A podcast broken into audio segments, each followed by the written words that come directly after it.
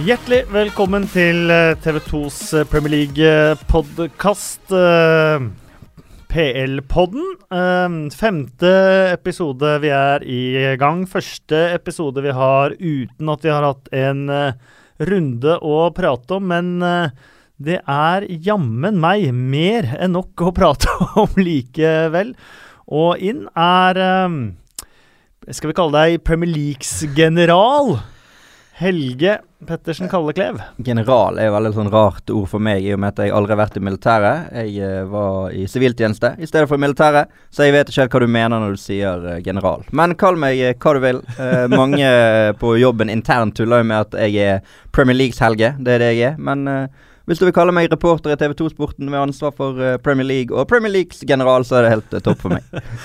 Um, det var annonsert altså at uh, Drillo skulle komme, men uh, vedkommende som skulle arrangere alt dette her, uh, trampa i både i salaten og klarte ikke helt arrangørbiten han var satt til. Eh, vedkommendes navn er eh, Kasper Wikestad.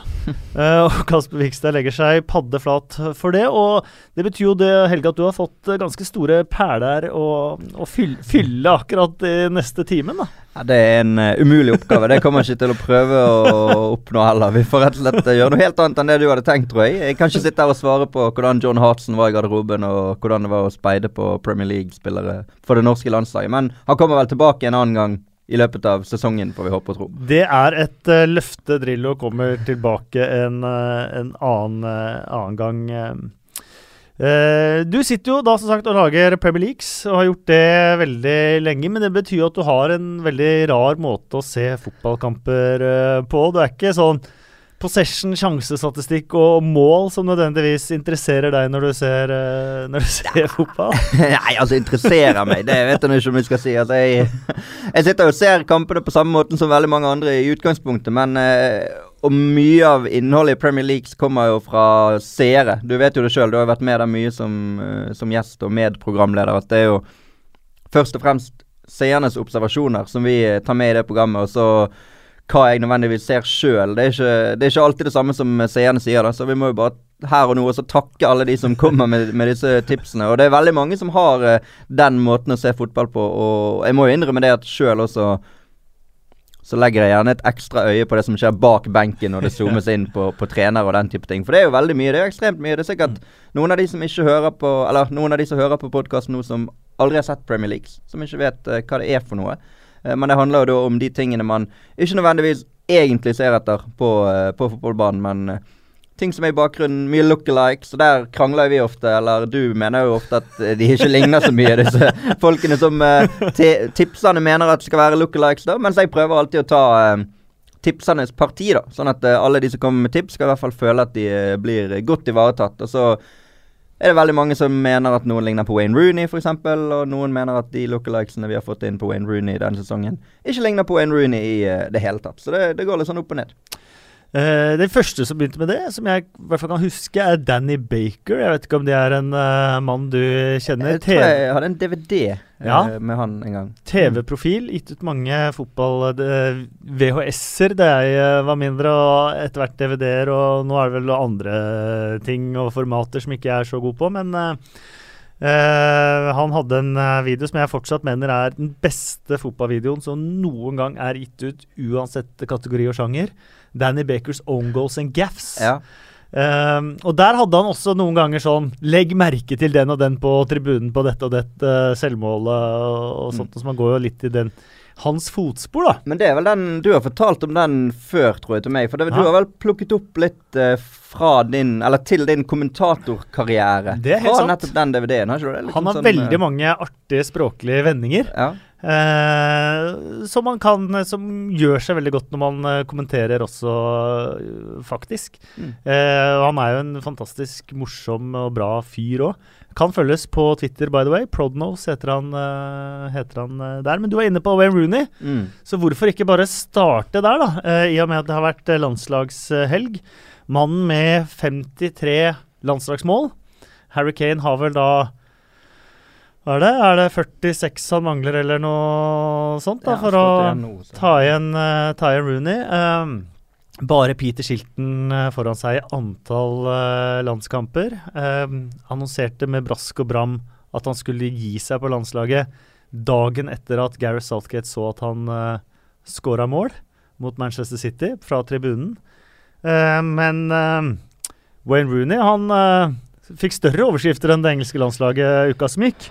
Ja, han gjorde det. Det var det er jo flere som har snakket om dette før oss i, i alle mulige forskjellige fora, og alle er jo samstemt om at dette er trist. For det, det sier jo noe om en skjebne der, og, og, noe som har vært ved Rooney kanskje gjennom hele karrieren. Eh, at han har hatt en side ved seg som Nå tenker jeg ikke nødvendigvis på alt i dette, men bare det å bruke landslagshelgen på å være ute og drikke. Og så kan det godt hende at han har vært eh, mer uskyldig enn det gis uttrykk for. Men han var nå i hvert fall i arresten. Det, det, kan vi vel være ganske tydelige på at han har vært. Og du havner ikke der bare fordi du heter Wayne Rooney og kjører bil om natten, da. Det må vi vel kunne si. Og så har ikke jeg noe til overs for hun her damen som tilsynelatende var med han og har eh, solgt historien sin til mediene og alle de tingene der. Men at Rooney um, burde gjort andre ting når det var klubbfotballpause, det kan vi vel være enige om. Ja, eh, ja, for jeg ser jo at folk er eh, Kanskje skal man kalle det delt, da man har bare en eh, lads lad, på en måte. Eh, altså veldig en av, av, gutta, og sånn gutter eh, gjør. Eh, helt til så en, en, lege som jobba med Paul Gascoigne, som advarte om at Wayne Rooney må passe seg så han ikke ender opp som, uh, som Gasse. Mm. Og så finnes det vel et sted midt, i, midt, imellom, uh, midt imellom der. Jeg vil jo anta at de, de aller fleste ikke kjører i fylla med en fremmed jente ved siden av seg mens den gravide kona er i et annet land. Det får vi ikke håpe at eh, de fleste driver på med. Det. Nei. Uh, men dette er jo da altså for å ikke ta Se og Hør-varianten, for det uh, syns vi ikke er noe særlig. Men uh, en mann som kom inn, som også delte opinionen, da. for det første så skapte han en enorm boost i hele Everton, blant Evertons supportere, blant kommersielle eh, blant de sportslige forhåpningene til eh, Everton. Ehm, eh, da han signerte for, eh, for sin favorittklubb. Um, og så var det mange som advarte mot at dette er en fyr som har sittet på benken og ikke lyktes når han har spilt de siste to årene i Manchester United. Og hvordan skal man ta igjen de poengene på Manchester United ved å bruke en som ikke var god nok for uh, Manchester United? Da har han fortsatt fotball i seg. Og så kommer han inn. Og så får han den starten han fikk. Fantastisk start. Matchvinner i ligaåpningen. Og alle som hørte det der brølet etter den skåringen, eh, hans eget brøl, eh, skjønte jo hvor mye dette betød, da. Eh, og hvor mye Everton bet nei, Rooney betød for Everton også den andre veien. Mm. Eh, og så skåra han i matchen mot Manchester City. Eh, men hvor går veien da fra dette? Dette, da, og videre, det er det jeg blir veldig, veldig nysgjerrig, nysgjerrig på. Mm. Altså, det er jo noe Denne hendelsen hadde kanskje gitt mer mening for et halvt år siden, da. Uten at man skal mm. si at så enkelt er det. Men, men, da virket Rooney litt på hell. Og nå hadde han fått en ny start mm. og var en ny mann og var tilbake og var tatt inn i varmen. og og så gjør han dette, da. Og, han var hentet til Everton for å være et uh, forbilde både på banen og utenfor banen. Mm. sant? Og når da dette skjer, så er jo det Det er sikkert folk der som går rundt og angrer på at uh, at han skulle være den som skulle sette en standard i Everton-garderoben og, og, den type ting. da. Så var det vel snakk om han nok fikk en millionbot uh, av klubben, uh, og den må han jo åpenbart betale. Det har jo han råd til, så det går jo bra. Men uh, det er vanskelig å si, altså. Jeg håper jo Jeg, jeg unner jo han som menneske, da, ja. så unner jeg at han skal få lov til å gjøre det bra og være suksessfull. Og nå er han der han har lyst til å være. Det så jo så bra altså det er bare sant, Den nyheten om at han skulle bli far for fjerde mm. gang, det, mm. det så jo så rosenrødt ut. Ja. da. Så ja, det er det. det er, jeg, tror, jeg, tror, ikke det finnes et menneske omtrent som ikke unner han å få en fantastisk avslutning på karrieren for Everton. Kanskje til og med vinne et trofé mm. i en eller annen cup, hvor han kan uh, kan ende der med, med, med å stå med sølvtøy i, i hånda for, for, klubben sin. Eh, så, så, det er vel ikke noe annet å gjøre enn å bare håpe at uh, kanskje dette var den siste vekkeren som han trengte. Ja. Altså, jeg, jeg Det satt kan jo være det. Det kan jo det. det kan. Jeg satt jo og håpet at det var fake news. sant? Altså, det, Mm. det var jo på en måte min første tanke. Nei, dette er bare noen som har sagt et eller annet. Og Mm. så var det ikke det, da. Vi kan jo se på, på eh, England, da, for det at eh, eh, Det har vært mye snakket om eh, den manglende entusiasme for det engelske, engelske landslaget, og at de på en måte har mista eh, mye av det engelske publikummet sitt. Mot Malta så var det jo masse av bortesupporterne som gikk før de siste målene kom, i frustrasjon.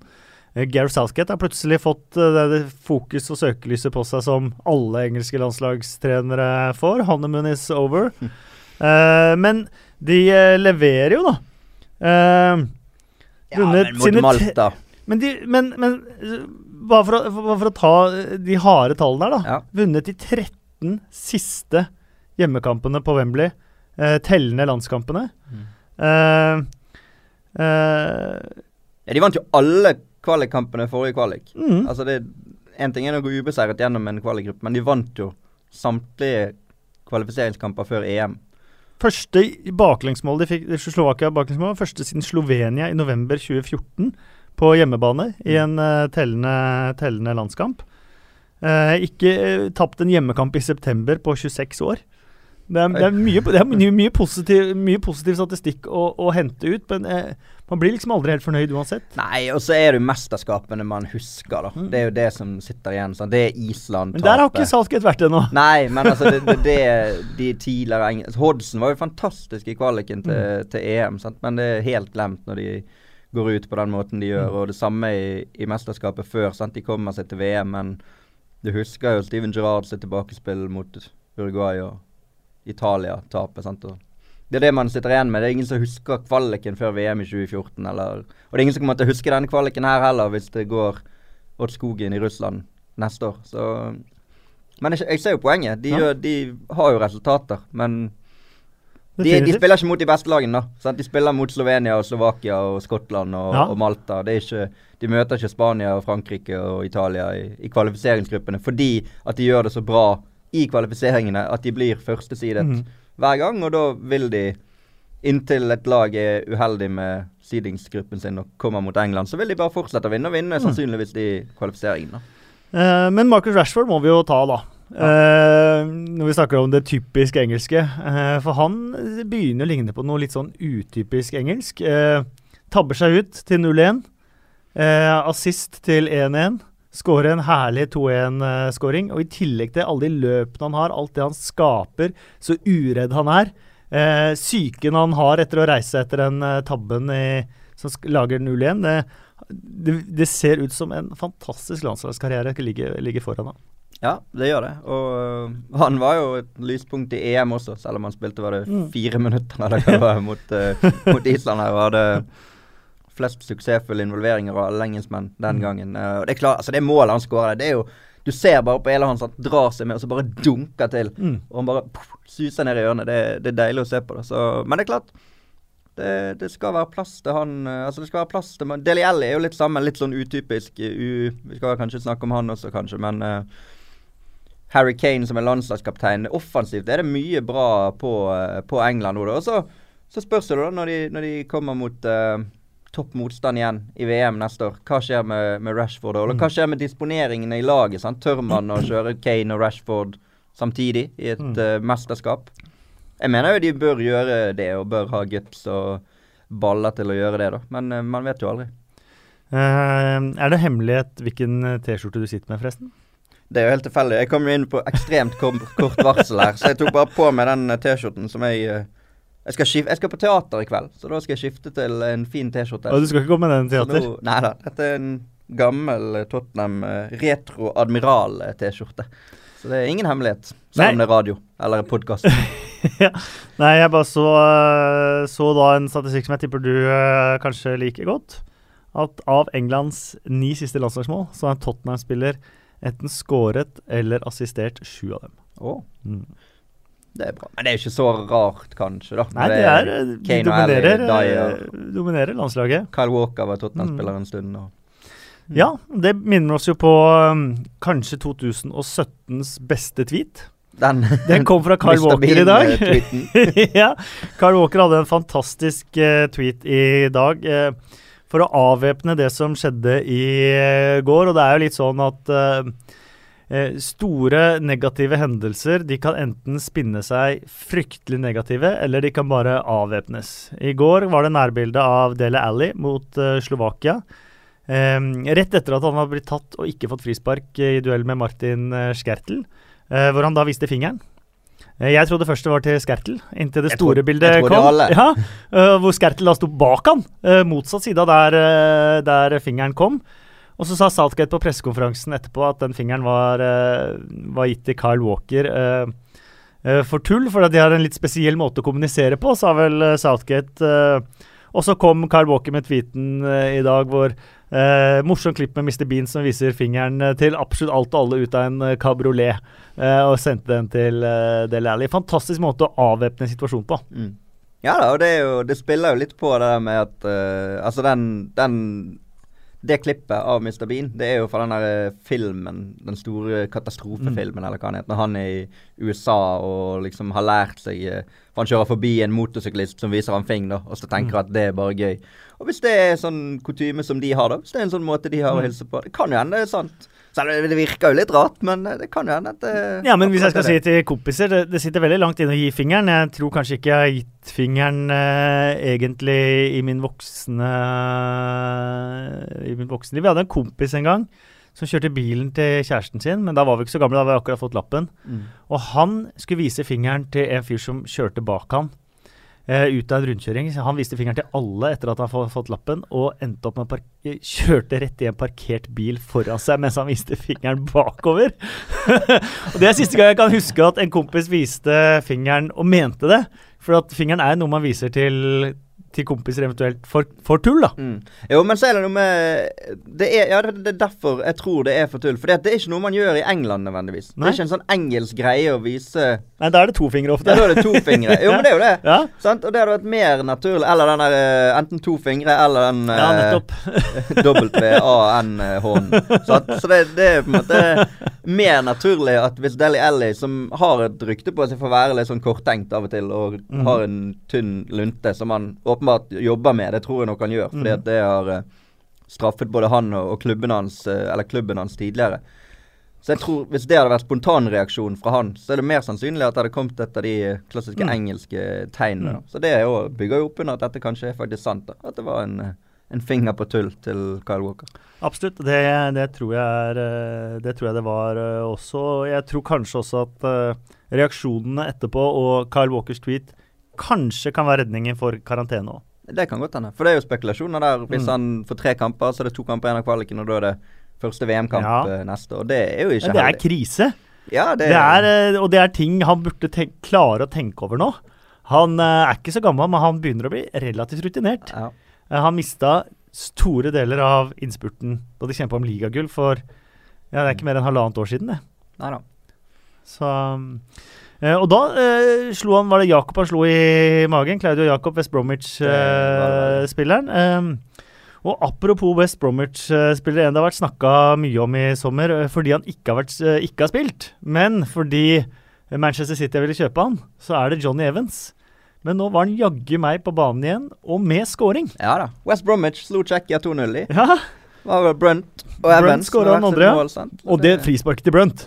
Ja, det var Bare for å si uh, Martin Ødegaard-klasse. sier Eh, Roberto Carlos-klasse, som de sier i Brasil. eh, Ja. Og altså, for en bend han fikk på, på Han den har jo der. en vanvittig fot, da. Vanvittig Han har, hvis han først treffer, så, så blir det bra. Ja. Men Nord-Irland er imponerende, det, altså. Det er, selv om med norske øyne skulle vi gjerne sett at det kanskje var Norge som var nummer to i den gruppen bak Tyskland, men Nord-Irland har eh, imponert, altså. Nå, ja, nå er det vel Er ikke de sikret den andreplassen nå?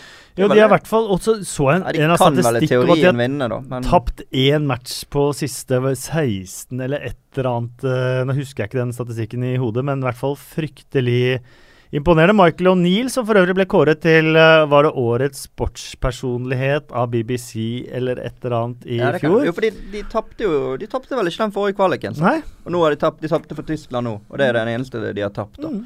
Så de eh, Altså, nå er det jo enten playoff eller gruppeseier. De tar jo ikke inn fem poeng på Tyskland på, på to kamper. Det er såpass realistisk må man vel være. Men Eh, men de har absolutt sjanse i, eh, i en playoff. Men eh, for de som eh, har internett, så går det vel an å prøve å finne den talen til Michael O'Neill da han mottok denne prisen fra BBC. For han var så pratesjuk at Gary Lineker måtte avbryte. Og han måtte omtrent bæres ned fra scenen. Det var så mange som skulle takkes. ja. Og han er en fantastisk uh, personlighet, uh, Michael O'Neill. Mm. Uh, og Skottland gjorde jobben. Skottland gjorde I og med at uh, England gjorde jobben mot, uh, Slovakia. mot Slovakia, så har Skottland alle muligheter til å kvalifisere seg til VM igjen. Ja, for de møter Slovenia og Slovakia. Slovakia på hjemmebane òg. Mm. Og det er de to, for det er vel foran de begge to fremdeles. Mm? Skottland er nummer fire, men de er ett poeng bak. Er det ikke Nå tror jeg de faktisk er foran Slovenia òg. Ja, ok. Hvis ikke du har tabellen Jeg kan eh, ta og eh, dobbeltsjekke det. så eh, har, foran deg. Så jeg, tror de har Slovakia da ett eller to Slovak- poeng foran seg. Ja, Slovakia 15, Slovenia og Skottland 14 hver. Ja. Og dette er helt i Gordon Strackens uh, hender nå. Mhm. Eh, Gordon Strachan, som for øvrig er en av de morsomste menneskene på denne jord. Han har mange fine opp igjennom. Ja, du kan eh, gå på YouTube og finne Gordon Strachan og Arsen Wenger Bottle. Eh, google den. Og så hadde han eh, selvfølgelig den klassiske da han eh, var Southampton-manager. Eh, hvor, hvor han gikk forbi en journalist, og journalisten ville gjerne ha en kjapp kommentar av Gordon Strachan og sier Mr. Strachan, a quick word. Velocity, svarer Strachan og gikk uh, videre. Ja, men det ble ikke så mye raskere ord enn det. Nei, det gjør ikke det. Uh, så det, så det, er, eh, det er morsomt å se at de eh, gjør det bra. Men i og med at dette er en Premier League-podkast, så må vi også selvfølgelig eh, innom eh, Wales og Liverpool og Ben Woodburn. Som kunne vært engelsk, eller kunne spilt på det engelske landslaget. Men Gareth Bale overtalte han. Jeg så en Ja. overskrift om det, at han overtalte han til å spille på, på Wales. Så det er klart det, når en 17-åring slår gjennom, skårer et avgjørende mål. For nå, det er jo fremdeles en mulighet der for Wales nå. Ja. Eh, hadde de ikke vunnet den, så hadde det vel kanskje vært for langt opp. Selv om de ikke taper kamper, så hadde de hatt for mange uavgjorte. Mm. Og når de får den eh, på slutten der, så er det Men for en eh, rekordfyr! Da Ja. han eh, debuterte mot eh, Leeds, var han den, eh, vel den nest yngste Liverpool-debutanten og yngste målskåreren gjennom tidene for, for Liverpool. Og eh, han viser jo når han er i sitt element, at han er enormt god. Mm. Han hadde vel én match mot Stoke hvor han putta inn på for mange unggutter på en gang. Ja, da, falt han litt, med Da braket de vel alle tre foran og Mm. satte bare de unge sammen. og da det sleit han. Mm. Men når han er sammen med klassespillere rundt seg eh, Fryktelig god og fryktelig stort eh, talent, og veldig spennende å se videre utvikling på. Mm. Og kommer sikkert til å få eh, en del kamper, vil jeg tro. da. Eh, nå er jo Han er jo del av en lag som har en del flere kamper enn de hadde forrige sesong. Mm. Så det bør jo være muligheter for å få spilletid der for, for han utover. De spiller vel i dag Jeg vet ikke akkurat når denne legges ut, jeg. Nei. Men Wales spiller jo mot Moldova. Vi kan si at denne er spilt inn før Wales spiller mot Moldova. Ja. Kanskje han har skåret hat trick i den kampen, og vi føles helt utdaterte når eh, dette høres på. Men uh, for et Liverpool-lag som eh, har hatt veldig mange lokale ikoner opp Mm. gjennom årene, med Steven Gerrard ut, så har vel kanskje det vært en, en mangelvare. Eh, så er det jo fantastisk å se disse unggutta som kommer opp. Ben Woodburn som skriver historie, Trent Alexander Arnold. Eh, andre som viser at de med tid og stunder kan bli sånne lokale helter. da. Mm. Ja, og det er klart det, det gjør jo noe med ikke bare Liverpool-supportere, altså de som bor i Liverpool sitt forhold til spillerne. Men jeg tror det er viktig for norske supportere også. At det er local boys som, uh, Mm. som leverer varene for klubben der. Og som du sa, det har vært mange. sant? Det var først var det, eller Ikke først, men i hvert fall i min tid. da, Så var det Robbie Fowler, sant? og så kom Michael Owen, og så kom Gerard. og så De har jo bare tatt over for hverandre. Carragher. det, og når ikke de er der, så mister kanskje litt av den lokale ryggradtilhørigheten. Og Woodburn kan være en som kan Mm. bringe den tilbake. Så det tror jeg er veldig spennende. Mm. Og det er liksom For alle lag så er det veldig viktig å ha lokale spillere. For Liverpool eh, ekstremt eh, viktig med eh, Bill Shankly på mange måter gjorde jo klubb og supportere og lokalmiljø og by knytta de ekstremt nære. Mm. Og de har jo hatt hendelser opp gjennom historien også, eh, ikke minst Hilsbro, som har knytta klubb og, eh, eh, og, og supportere og folk så tett til hverandre. Da. Og da er lokale spillere mm, viktige. Kenny Daglish var vel i samtlige 96 begravelser, faktisk, Mm. etter Hillsborough. Ja, det, det er klart det er en, en klubb med mye historie. En klubb eh, der lokaltilhørighet har vært viktig Mm. gjennom historien. Og det at den ikke viskes fullstendig vekk, det er ekstremt viktig. For det er jo mange av disse akademiene nå som består av spillere som jo riktignok har kommet opp gjennom klubben, men allikevel ikke føles som at de er fra egen klubb, da. Uh, uten at man skal være fordomsfull overfor Ja. noen sånn. Så er det jo litt sånn at jeg tror ikke mange i Manchester United egentlig tenker på at Paul Pogba er en Manchester United-gutt. Nei, Sant? Selv om han sikkert vil kunne argumenteres for å på disse her kvotene vil være det. Mm. Men, men det er jo ikke en, eh, en homeground lad da, som man eh, knytter til. Da er det mer Marcus Rashford. Det er mer Han kommer derfra, Mm. sant? Mm. At, uh, Jesse Lingard. Thomas Holm, Oslo-gutten Thomas Holm, telte jo som utlending i, i Tippeligaen uh, da han spilte for, uh, for Vålerenga.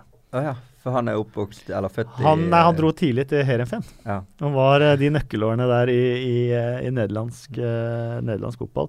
Eh, vi skal selvfølgelig prate om eh, runden som, eh, som kommer. Det kommer jo nå en eh, Det er deilig etter landskamppause å sparke i gang eh, i gang eh, eh, Premier League-fotballen igjen. Men vi har gjort dette til en fast spalte å ha med litt Bill Edgar-stoff. Bill Edgar er også en som skriver i den engelske avisen The Times. Og han er, som vi har vært inne på i tidligere podkaster også, enda mer nerd enn deg. Og er enda mer nerd enn meg òg, faktisk. Eh, så det er eh, mye morsomt han eh, kommer med. Harry Kane skåret jo to i Malta. Eh, og hadde eh, eh, Nå skal jeg vet du hva, jeg skal vente bitte litt med å ta funfacten til Bill Edgar, sånn at alle kan sitte helt ytterst på stolene sine og vente på funfactene til Bill Edgar. Eh, for vi måtte jo snu oss, eh, snu oss eh, litt rundt. Helge kom for å fylle én Drillo-perle. Eh, men det er jo fryktelig hyggelig at vi har fått med oss Premier League-kommentator Espen Veen også. Uh, som kan prøve å fylle venstreperla til, til Drillo. Velkommen! Tusen, tusen takk for det, Kasper. Hei, Helge. Hei, Nå var det andpusten. Ja, jeg har løpt og gått, og heisen funka ikke, og koordinert noe, noe logistikk på hjemmefronten her som har vært helt vill. Eh, så litt andpusten, litt svett, men eh, veldig veldig glad for å være her og fylle en halv Drillo-perle. Det tror jeg blir for tøft, men jeg skal gjøre så godt jeg kan i hvert fall. På, Det er det ingen av oss som Nei, klarer det er uansett. det. Eh, men jeg syns det var utrolig hyggelig at du kunne komme, for du begynte jo å kommentere litt Premier League for oss forrige sesong. Ja. Uh, og eh, all in denne sesongen. Og det er jo fordi at du er en fryktelig flink fyr. Uh, men så er det kanskje sånn at uh, ikke alle som hører på, vet supergodt hvem du er. Så nå har du eh, 10-20 sekunder på å bare presentere deg for, for de som hører på Premier League-podkasten. Ja, hei. Jeg heter Espen, men jeg har jobba med fotball i jeg vet ikke hvor mange år det er nå. 2007 var det ti, da. En i mente og sånn, så det blir ti år. Eh, kommenterte for eh, Kanal Pluss og Seymour før. TV 2 i fjor. Eh, Tippeliga og litt uh, forskjellig. Uh, kommenterer også hockey for TV 2. Og innimellom EM i stramhåndball og Olaf Skoglins minneløp på rulleski. Uh, så, og Premier League-fantast, selvfølgelig. Jeg har vært det fra barnsbena, så det er stort å få sitte her sammen med to så flotte folk, og alle de andre flotte folka vi jobber sammen. Og det du ikke vet, Helge, eller kanskje du vet det, men det er ikke sikkert alle som hører på vet det, er at Espen og jeg vi kommenterte sammen i Canal Pluss i hine håre dager før, før jeg forlot og dro til TV 2. Ja, og så var vi egentlig litt sammen i fotballmedia, vi bare møtte hverandre aldri der. Ja, Eh, jeg hadde noen kamper sant. der òg, så Ja. det var år 2009-2010, kan det stemme? Det kan vel kanskje stemme, ja. Ja, rundt der. Eh, mm, uh, så det er jo veldig hyggelig å være sammen igjen. Ja, det er veldig, veldig, veldig ja. fint. Skal jeg bare gå igjen, eller? Nei, vi, vi hadde veldig hyggelig i Canal Plus, skjønner du, Ja, ja, Helge. Så, veldig hyggelig å ha fått eh, Espen, eh, Espen eh, inn igjen. Og du kom jo til et ganske perfekt tidspunkt òg, for vi skal akkurat til eh, å prate om den kommende, kommende runden. Og der Ja. skal du eh, kommentere. Men før det så skulle vi innom Bill Edgar. Det var det jeg akkurat starta på før du eh, kom, for Bill Edgar i The Times, statistikkguruen. Eh, han kan fortelle oss at eh, Harry Kane skåret to mål i Malta. Eh, det betyr at han skåret to mål i to bortekamper på rad for England. Mm. Og han er den første siden Jimmy Greaves i 1960 som har gjort det, faktisk. Så det er ikke spesielt vanlig. Um, Eric Dyer skåret på sin egen uh, klubbhjemmebane for England. Det er jo en sannhet med modifikasjoner. Nei, det er ingen modifikasjoner der for hjemmebanen til Tottenham denne sesongen. Ja. Heter Wembley, selv om man sier at de spiller 38 bortekamper. Eh, og han er den første da til å gjøre det for England siden Peter Crouch skåret for England på Anfield i 2006. Ja. Men nå spiller jo de nesten bare på Wembley. Før var det Litt mer rundt, ja. lettere å, Mm. å oppnå den stetten der, da, Mm. enn det er nå. Eh, men så kommer vi inn på litt sånn som er mer typisk eh, Bill Edgars særhet. At uh, Ryan Bertrands 2-0-mål eh, mot, eh, mot eh, Malta Det var det laveste nummeret. Altså, han har tre på ryggen. Det laveste nummeret som har skåret for England på 58 kamper. Oi. Den gangen var det også en nummer tre. Eh, det var Leighton Baines mot Moldova i 2012. Ja, for de har gjerne ikke spilt med 1 til 11 heller, nødvendigvis. sant? For normalt så ville det vært en Jo, England spiller To- alltid 1 til 11 i landskamper. Så det er ingen, Det høyre, ingen høyrebacker som har skåret, da. Nei, det er det er helt uh, tydelig. Ingen keeper heller. Eller ingen, nei. Men uh, nei, det synes jeg er England er et av få lag som i alle kamper spiller 1 til 11, og det har gitt meg et par spørsmål. Uh, man sitter og tenker på veldig mye rundt fotball i løpet av en dag og en uke og sånt noe. Men uh, de må jo ha med seg sånne trykkmaskiner til bortematcher, tenker jeg. For å Trykke Ja, opp numra når ja, landslagstreneren har satte opp uh, elveren sin en, Ja. 75 minutter før kampstart, så må jo disse draktene trykkes. Hvis ikke de skal ha med seg et fryktelig antall uh, alternativer, da. Ja, det er poeng. Jo, men de har jo sikkert det, da. De må jo ha det. Ja. så bare Her er elveren. Trykkemannen får kanskje, eller trykkedama får kanskje elveren litt før spillere og media, og gjør seg klar til å trykke, trykke drakter, da. Trykkemann. Det er han vi må lage sak på. Trykkemannen til England. Ja. Som har uh... Nei, men det er jo Altså, noen vet man jo, sant. Altså de fleste Eller ikke de fleste, men en del av plassene i laget vil vel være klare på forhånd, og draktnumrene er relativt faste på de som skal spille, da. Mm. Men uh, det er klart, om det er Rashford eller Sterling eller ja. Da må jo bare noen Må jo bare Rashford ta to, da, neste gang. Og så få um, drept den staten med en gang. Liksom. Det hadde vært ja. Nei, det, det går ikke an. Det der, det der brenner jeg litt for. Og det, jeg har jo en sånn blogg. Vi har fått blogger inne på den nye TV2.no-portalen vår. TV2.no slash PL. Og det er en av de tingene jeg kommer til å skrive om, og har allerede gjort det, at uh, draktnumrene, de må ikke vi Det er noe hellig ved det. da Jeg ble forbanna når Wilfred Bonni får nummer to i Swansea, liksom. Selv om han har en forklaring på at det er fordi at mm. jeg er her for andre gang og the second homecoming og, og den type greier der. da. Men en spiss skal ikke ha nummer to. Det William, William Galas med nummer ti ble forbanna. Ja, ja, ja, han ble forbanna på uten, ja, okay. uansett hva nummer han hadde hatt på ryggen. Men eh, nei, det, det klinger ikke bra, da. Nei. Den første bloggen jeg skrev der, handlet nettopp om det. At ingen niere har blitt toppskårer i Premier League. Eller én nier har blitt toppskårer de siste årene 17-årene. Og nieren er jo den som skal bli toppskårer. Mm. Nå har jeg to uh, fun factor til fra Bill uh, Edgar, og jeg understreker at det er fun factor, for jeg syns de er veldig funny. Ja. uh, men Theo Walcott og Frank Lampard ble begge tatt ut i VM i 2006. Frank Lampard spilte fem hele landskamper i VM i 2006. Men Theo Walcott er ennå til gode å spille fem hele landskamper. Han har 46 landskamper, spilt 90 minutter i fire av dem.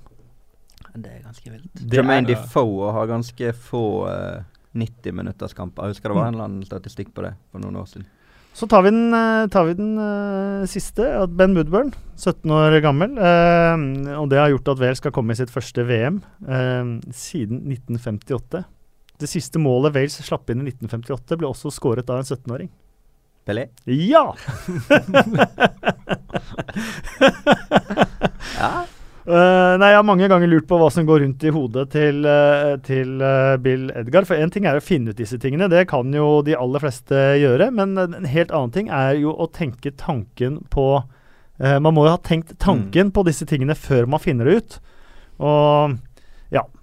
Eh, Jo, men det er gøy. det er kjempegøy. Og- og- eh, virkelig. Og så er jo sikkert noe av det han syns er gøyest, det er jo å få bekreftet noen som For han, tipper han har liksom kanskje noen teorier, da. Får opp en, liksom en tanke i hodet om at Å ja, kanskje det er sånn.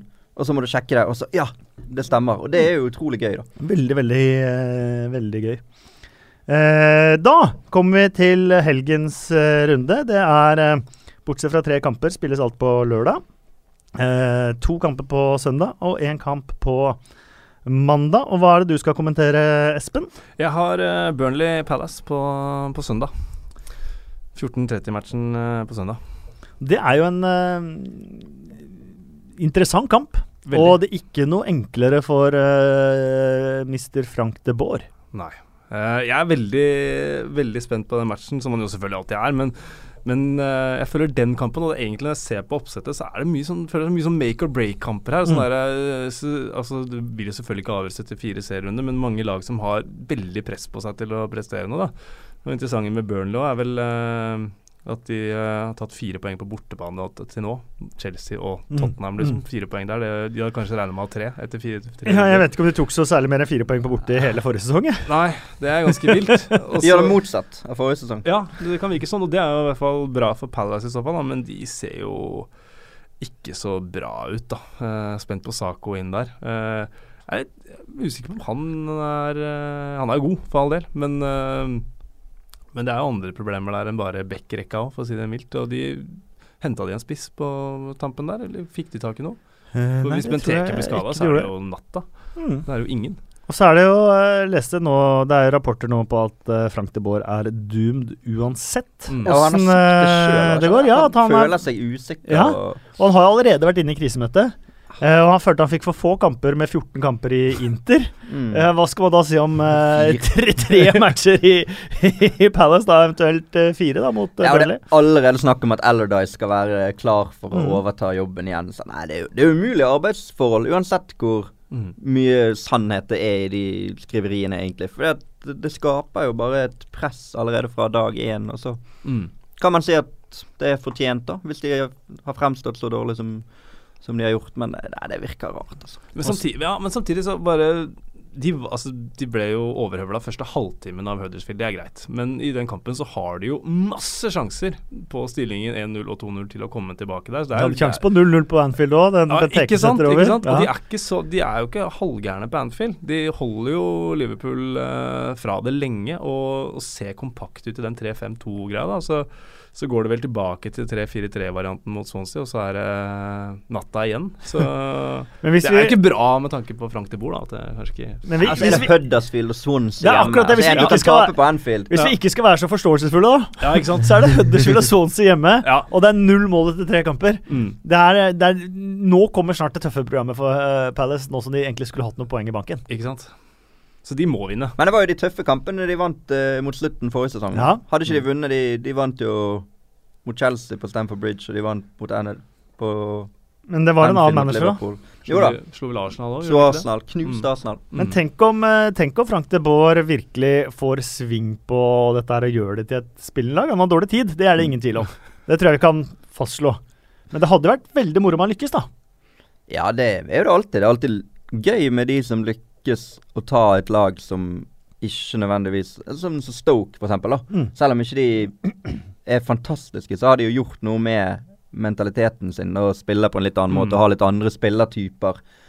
Og for en nøytral tilskuer så er det vel kanskje gøyere å, å heie på Shakiri og Jezé enn på Ricardo Fuller og CDB, liksom. Ja. Jo, jo, men sånn, selv om det også har sin sjarm, da, så er det i hvert fall en kursendring som har blitt gjennomført med Absolutt. suksess da, Ja. under Mark Hughes etter at Pulis eh, forsvant derfra. Mm. Jeg skal kommentere Everton-Tottenham. Tippekampen. Tippekampen. Det kan jo også bli en uh, fryktelig uh, morsom uh, kamp på, på lørdagen der. Og litt sånn make or break for begge disse to lagene Mm. også. Eh, Everton så eh, Ja, det er sjelden man ser et lag så sjanseløse, egentlig. Ikke det at de var De tapte bare 0-2 på Stamford Bridge, og det kan ethvert lag i Premier League uh, gjøre, inkludert uh, Manchester United og Manchester City. Mm. Uh, men måten de framsto på da, er noe av det mest sånn gråe og hjelpeløse jeg har nesten sett. Men de fremsto veldig mye bedre enn de gjorde på Stamford Bridge forrige sesong. da. Ja, da var det jo avgjort etter eh, halvtimen, og Dobbelt så bra. Oviedo bytta ut der etter, etter en drøy halvtime. Men eh, eh, eh, fart Fart? Uten Calvert Lewin så har du ikke fart framover. Nei Så enten så må de styre kamper og, og presse målet der, de, eller så må de gjøre noe annet. Sigurdsson er ikke spesielt uh, kjapp. Rooney er ikke kjapp. Sandro virker litt utilpass. mm. Klasen er vel heller ikke sånn super Nei. Nei. Men jeg skulle gjerne sett klassen i den matchen likevel. De sliter jo allerede med enormt mye skader. De hadde et helt lag pluss Schneiderlid ute med karantene mot, på Stamford Bridge. Mm. Nei, det blir spennende å se. Det er jo litt det samme for Tottenham, egentlig. De har ikke sånn enorm fart. Det var jo en del som etterlyste på deadline day der, når de hentet Llorente, at Mm. hvorfor henter ikke de en rask spiss? Altså at de har De har raske kanter. Jo, men Bekker, de har. Ja, fart, raske bekker, backer. ja, De har fart ikke- gjennom. De har, de har andre kvaliteter som gjør at de kommer mye Ja. til få satt opp Mm. Kane og Eriksen i de riktige Jo posisjonene. da. Det er kanskje det som er håpet til Everton nå, da. Mm. At de skal Målet der må jo være å få Gylfi Sigurdsson på skudd på 20 meter. Mm. Det må jo være spillestilen deres fremover. For der er jo han verdensklasse. Mm. Det må vi jo kunne si. Altså, Definitivt. Og det ligger vel kanskje et Sigurdsson-mål i, i luften her, da. Det er mange Ja. som ser den komme. Ja. Gamleklubben. Men tenk altså på, på Everton. Altså, ja, de, har, eh, de har press på seg. Men i hvilken grad forventer Everton-supporterne allerede etter tre-fire kamper at man skal slå City, man skal slå Chelsea, man skal slå Tottenham? Altså, det er jo det som er målet, selvfølgelig. Men tro, har de ikke tålmodighet, tror vi? Eh, litt grann med det prosjektet som kommer nå. Det er mye utbytting, da. Mm. Så det er interessant å se hvordan Goodison reagerer hvis det ikke Mm. går uh, veien, da, og se om ok, er det backing til prosjektet, eller er man utålmodig? Ja, det har vært masse optimisme der, og spesielt med signering av Rooney. Og Rooney har vi prata om litt før du kom, uh, Ja. kom, Espen, så vi har tatt en blanding av Se og Hør-varianten og fotballvarianten på, på, på den. Eh, Jeg er veldig spent på uh, Arsenal. Mm.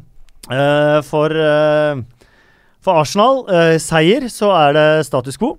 Da er det fortsatt alt er relativt dritt, men slo i hvert fall Bournemouth. Uavgjort eller tap, så er jeg, kan, jeg kan, tør nesten ikke tenke på det. Det kommer ikke til å bli behagelig stemning på Emirates hvis de taper hjemme for Bournemouth på lørdag. Det Nei. må vi vel kunne konkludere ganske greit med. Bournemouth er jo tre strake tap. De har jo eh, litt å Selv om ikke man forventer at de skal dra til Emirates og vinne, så må jo snart vinne en kamp, de også, da. Ja, og de uh, har også vist at de kan yppe seg mot de, de aller fleste, Mm. både hjemme og, og borte, men eh, eh, Det er veldig spennende hva Arsenal gjør. Ja, Om de gjør ting annerledes igjen, eller For det er jo en del som mener at, og sikkert med rette, at den 3-4-3-formasjonen som de la om til og fikk resultater med, ikke nødvendigvis var så trygg, da. Altså Det var ikke sånn at de fremsto ekstremt mye bedre mot slutten av sesongen i fjor defensivt, selv om de hadde en trebackslinje Mm. der og sånn. Men nå har jo Wenger bestemt seg for den, da, og så er det litt frem og tilbake. Det er Men det er altså så mange spørsmålstegn som jeg ser eh, bare hengende over hele den eh, matchen. Mm. Alexis Sanchez, hva slags tilstand er eh, han i? Uh, Koscielny, han er vel kanskje skadd, eh, ute. Ehm, Mustafi var på benken sist, Lacassette var på benken eh, sist. Wenger har eh, reflektert litt om hvilken situasjon han var i eh, på slutten av eh, forrige sesong. Ehm, om man skulle gi seg eller ikke gi seg. eh, ehm, det, er, det, er, det er rett og slett eh, vanskelig å, å finne noe som er Øsil var jo god i går, da, Han mot det. Norge. Ja. kan bare la det henge litt. ja, men apropos det, da, så har jo han da vært, eh, havna i kjempeordkrig mot Ian Wright og Mm. andre klubblegender. Um, Det er Nordkrig han ikke kan vinne, da. Eh, spør du meg. På mange måter, men samtidig så føler jeg han på mange måter har rett òg. Jeg har intervjuet uh, Mesut Eh. Özil. Han eh, ville ikke snakke engelsk, så han kan ikke vinne en ordkrig med Ian Wright. Men, han, men om, om han ikke har rett, men han, han har kanskje et poeng, da. Mm. Eh, eh, og vi har, det snakka vi i forrige podkast også, den enorme negativiteten som Ars rammer Arsenal mye hardere enn mange andre klubber, eh, kanskje. Vi skal ikke ta opp den, den eh, tråden igjen. Vi kan kanskje gå rett til eh, Manchester City mot eh, Liverpool også. Tidlig kamp, sant? Uh, og, og ja, Pep Guardiola. Det ble mye styr. eh, hans seier mot eh, Bournemouth eh, sist også. Jeg kommenterte Manchester City-Liverpool for to sesonger siden, tror jeg. Da Liverpool vant 4-1. Eh, var det tre sesonger siden? Skertel skåra der, og Mm, eh, Men det pleier å være to Det er nesten nødt til å bli en fantastisk åpen, Mm. målrik kamp. Og når jeg sier det, så blir det sikkert da 0-0. Antageligvis. Eh, Men alle forutsetninger for at dette kan bli, eh, bli helgas match. Ja, og den angrepsrekka der til Liverpool mot det som er vel har ikke sett kjempesolid ut foreløpig, i hvert fall defensivt. Det, det forsvaret til City heller, så ser jeg Mané, Salah, Firmino eh, mot dem. Men de må jo få ballen fram til dem, da. eh, og må vinne ballen. Men det er de jo gode på, så den, den kampen gleder jeg meg voldsomt til. Eh, Jeg, jeg er helt enig med deg, Kasper. Jeg tror faktisk ikke det er mulig ja, at den ender 0-0 og blir kjedelig. Det, det, det er Jeg kommer til å bli eh, jeg gleder, Det er jo første kampen på lørdag. Jeg gleder meg til å bare skru på TV-en. Nå begynner sendingen. Trevor Morley på pitchside på uh, Etihad. Litt sånn her uh, Litt starstruck selv om han har spilt for klubben. Jo, men han er det sånn der borte og kommer til å kjenne på at dette er kult. Brede og Øyvind skal kommentere derfra. Det, jeg gleder meg sykt. Både oppkjøringen til kampen og til kampen i seg sjøl. Det, blir- det blir dritbra, rett og slett. Uh, når man snakker om 0-0-kamper, så er det jo en kamp som lyser mot meg her. Brighton West Bromwich. Er det 0-1? West Brom eh, Det kan fort bli 0-1. da. Ja. Det kan fort bli 1-0 òg. Men jeg har ikke tro på veldig mye mål. Jeg syns sånn spiller for spiller, hvis man skal gå gjennom stallene, så er Brighton det svakeste laget mm. I ligaen. i ligaen. Ja. Og kanskje Newcastle på nest svakeste spiller for spiller. Eh, så det er jo eh, mye opp til hva Chris Huton og Rafa Benitez klarer å gjøre ut av de lagene sine, da. Mm. Eh, det jeg mener Chris Huton som som kanskje er det som taler mest mot Chris Huton, er at man sier jo når man skal vinne ligaen, eh, eh, så er det eh, angrep eh, vinner deg kamper, forsvar vinner deg titler. Mm. Eh, når det gjelder å eh, holde seg i divisjoner, så mener jeg det er tvert omvendt. Ja. Mm. Eh, forsvar gir deg noen poeng. De, de, de båndlagene som klarer å skåre mål, det er ofte de som klarer å redde seg Mm. også.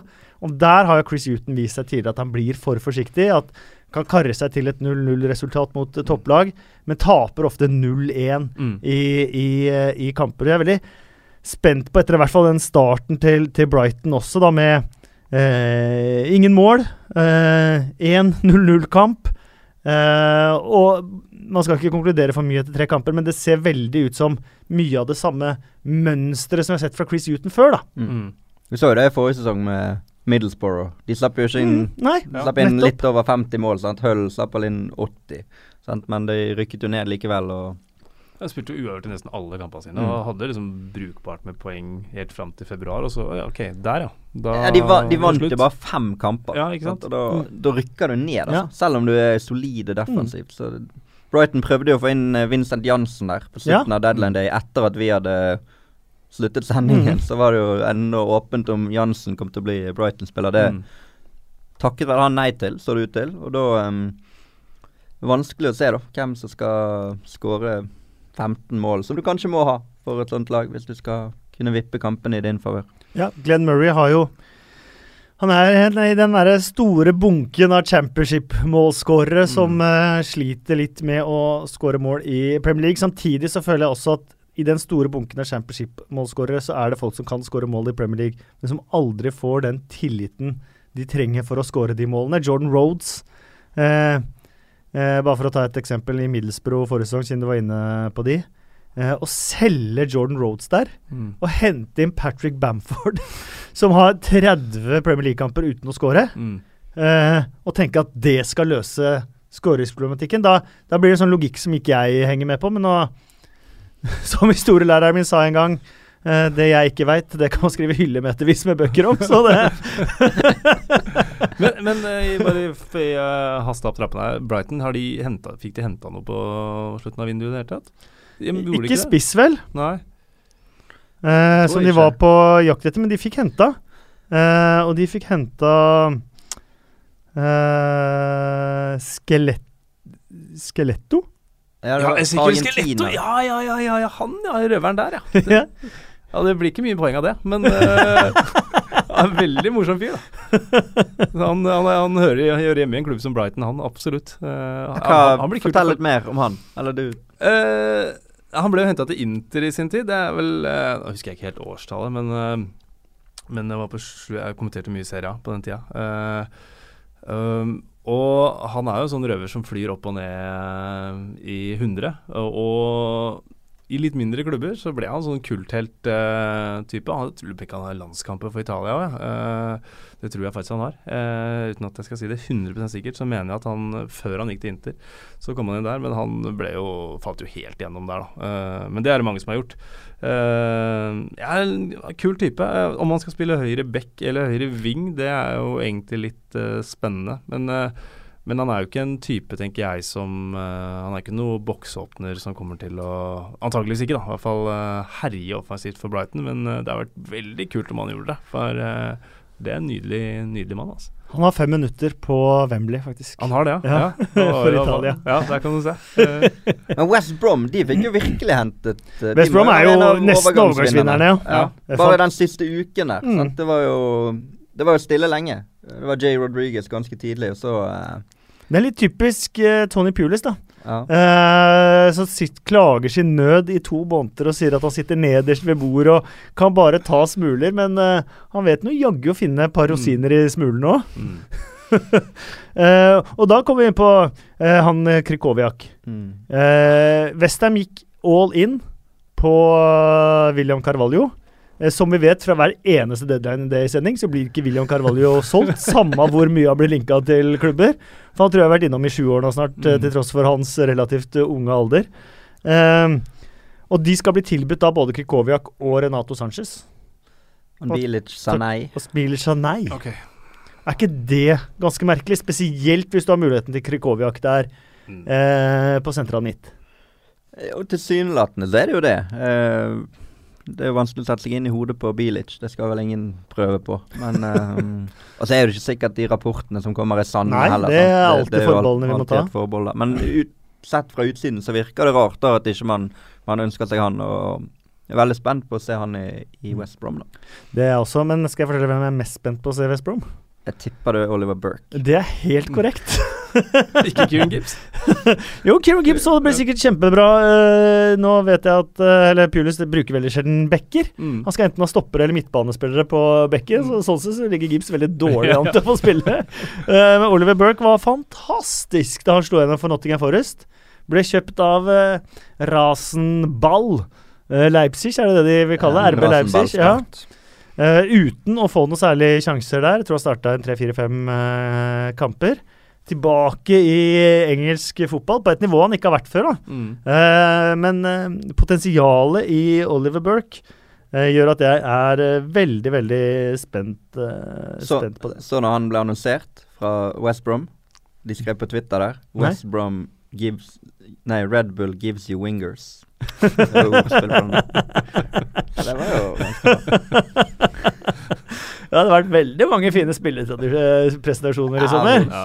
Og noen litt uefne som ja. Noe litt uefne, men jeg føler eh, Man kan jo ikke lage kunst uten eh, å søle litt. Nei, det er sant. Eh, Nei, du må prøve. Må prøve Ja, å feile. Mm. Så om folk prøver å feile på Twitter-kontoene sine på spilleprestasjoner jeg, jeg ser at det er mange som mener det er pute, og mange som mener at det er litt sånn pinlig og flaut og sånt noe. Jeg Jeg likte, jeg likte den der WhatsApp eh, John Terry-greia. Den likte jeg veldig godt. Ja, jeg også. Kjempebra. Og Besjiktas uh, tok jo nesten førstepremien med Peppe Med telefon, og Alvaro med... Negredo og uh, tegneserietelefongreiene der. Um, så jeg må si at uh, full honnør, altså. Så lenge det, uh, man har både kreativitet og ressurser til å Mm. gjøre det, um, så er jeg, er jeg for. Mm,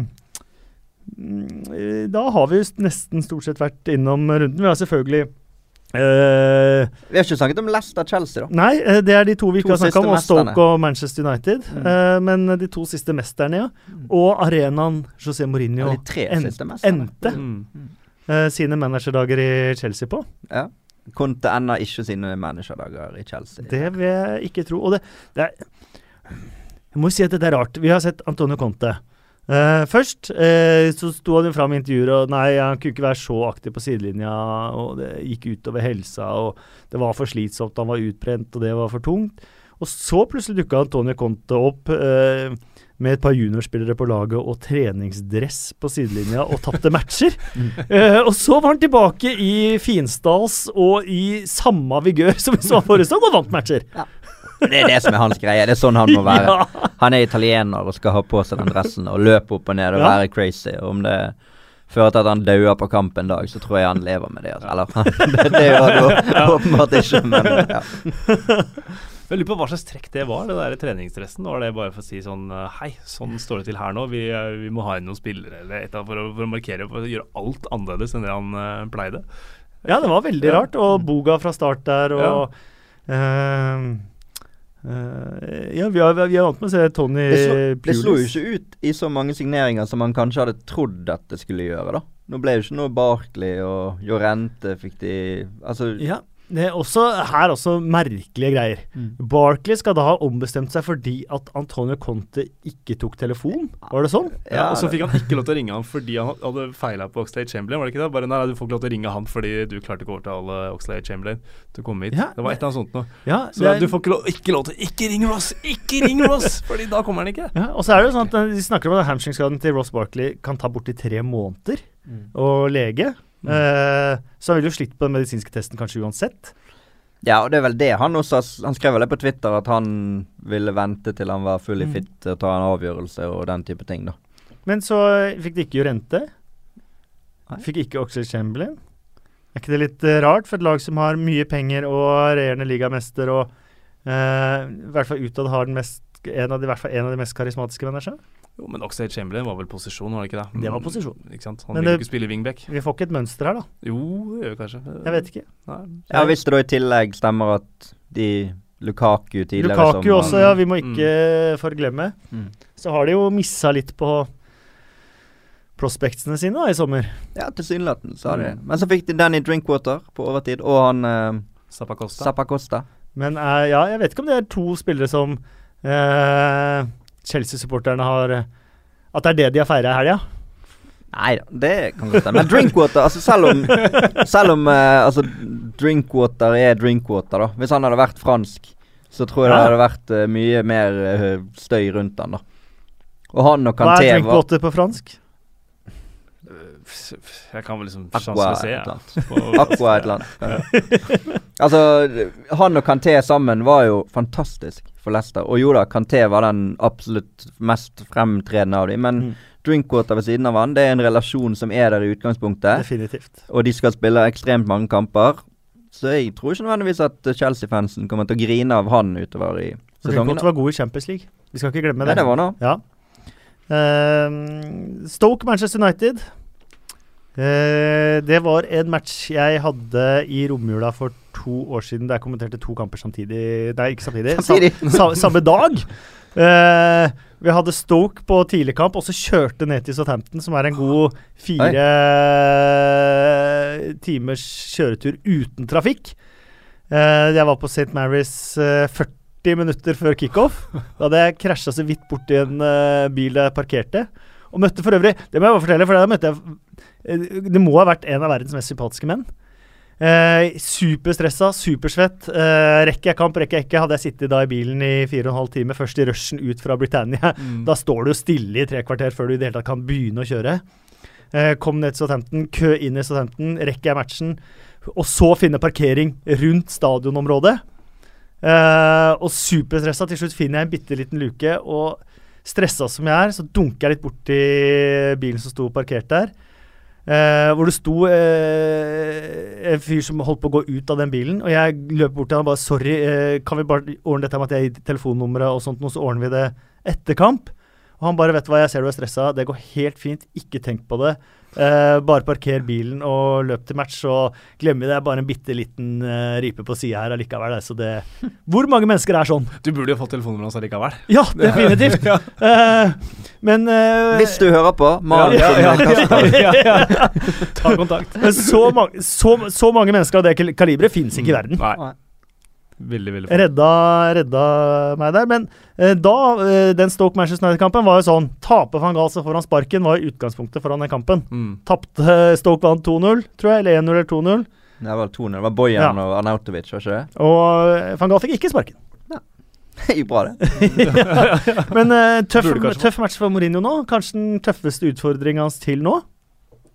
Ja, og så de som er på en måte kritikere, da, hvis man skal kalle det, av Manchester United, til nå sier jo det at de har ikke møtt noe særlig motstand. Sant? De har hatt to hjemmekamper, og så har de møtt Swansea borte. Men de har vært veldig solide mot de. Mm. Og hvis de nå drar til Stoke og vinner 2-0 like solid, så må man jo etter hvert kunne begynne å si at nå har de møtt motstand. Mm. Så det er jo en eh, det er jo en test der, da. Det er det jo ingen, ingen tvil om. Ja, og så syns jeg den største forskjellen også er at de kunne sagt det samme i forrige sesong òg, men da spilte de uavgjort i de kampene. Mm.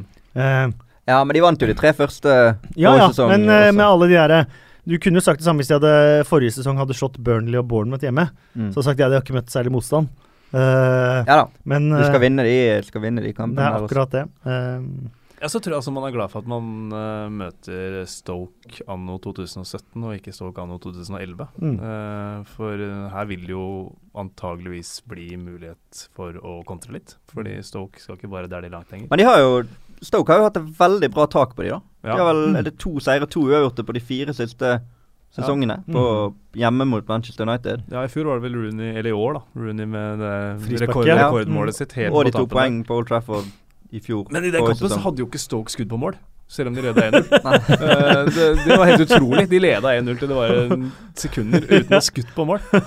Så en blomsterbukett til Mata fra Stoke-fansen der. og uh, mot uh, Arsenal så hadde de jo ikke ballen og valgt 1-0. Ja. Eh, ja, det er runden. Vi gleder oss enormt. Tidligkampen er Ja, det er en på Er det ikke en på mandag? Det er en på mandag. West Ham- West Ham- Westham uh, Huddersfield. Ja. Da er det viktig å oppfordre folk til dra og stem før de Ja. setter seg til å se match. Men det må man. Det må man. Mm. Ellers kan man dra stemme mens man hører på den podkasten her. For det Ja. forhåndsstemme og sånn. Det kan Det man går. Det kan man Stå i køen, høre på. Ja. Ja. Gjør deg ferdig med stemminga Ja. før Premier League eh, starter. Ja, det er kanskje Det er ikke dumt. Men var vi innom den på søndag òg? Newcastle? Nei. Nei, Nei. Ikke Southampton og Watford heller. Nei, ok. Nei, jeg bare syns du sa vi hadde vært innom alle. Men jeg du var innom de fleste, sa jeg. Ja. Eller jeg vet ikke hva jeg sa, nå kan folk spørre bak og så ta meg på ordet. jeg skal, ikke sitte og halvljuge. Uh, men uh, vi, vi har tatt det grøvste, men uh, eh, eh, gjerne litt av det andre. òg. Swansea, Newcastle uh, f.eks. Renato Sanchez, vi gleder oss. Det gleder vi oss veldig til. Ehm, eh, og, og Watford òg, spennende. Jeg hadde jo de høyt. Som kanskje overraskelseslaget denne sesongen, på mitt Ja, vi tabelltips. snakka vel litt om det i Per Mhm. Lundre avlufta, tror jeg. Ja. vi gjorde det, når vi satt der og så på Var dere quizen din i av helgen. luften? Ja, når du, når du quiza, så satt vi og kosa. Man var litt bitre for at vi ikke klarte å fullføre de siste 40 der, men uh, det, er- det er en annen sak. Men, uh, ja, men Watford, jeg syns Watford ser eh, bra ut, ja, ass. Det, jeg synes det er uh, For synes, første gang med en engelsk kjerne av spillere, for det har de handla Ja. seg litt nå. mm.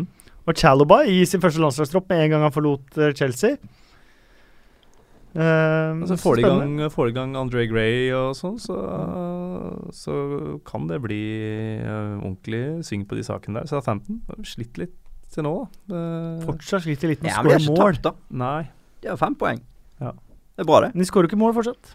Nei da, men fem poeng er bra. Ja, jo da, det er absolutt bra. Og Pellegrino, veldig spennende manager. Veldig vanskelig å si Pellegrino etter å ha vært så vant med Pellegrino. Ja, ja. Mm. Og Så så har lenge så det kommer- i tillegg, som Ja. har vært i Southampton. Det kommer til å bli Så du kommer sikkert til å kunne arrestere meg på det på Twitter i løpet av uh, sesongen, så bare ta det med en gang. Eh, vi, vi- ja, vi må ha to år. Westham har jo hatt friidretts-EM på VM på Mm. arenaen sin, så de har tre bortekamper og tre tap og ti innsluppende mål. Uh, ingen unnskyldninger på mandag.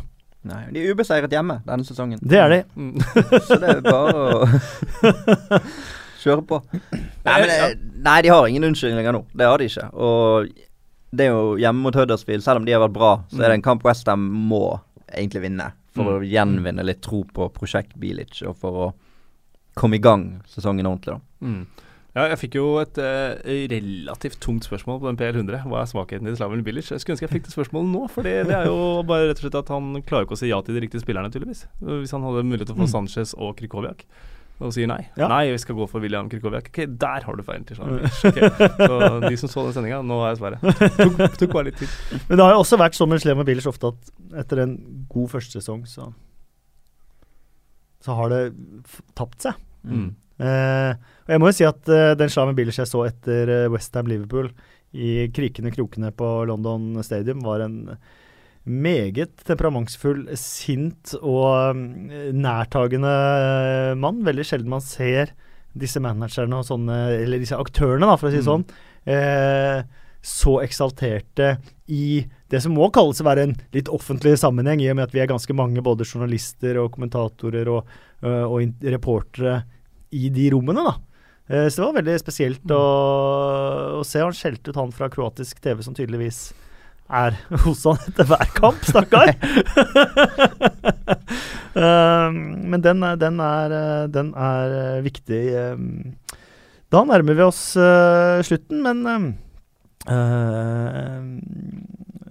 jeg må jo bare igjen da beklage uh, at ikke Drillo kom. Men han kommer seinere. Det, uh, det, er et uh, løfte.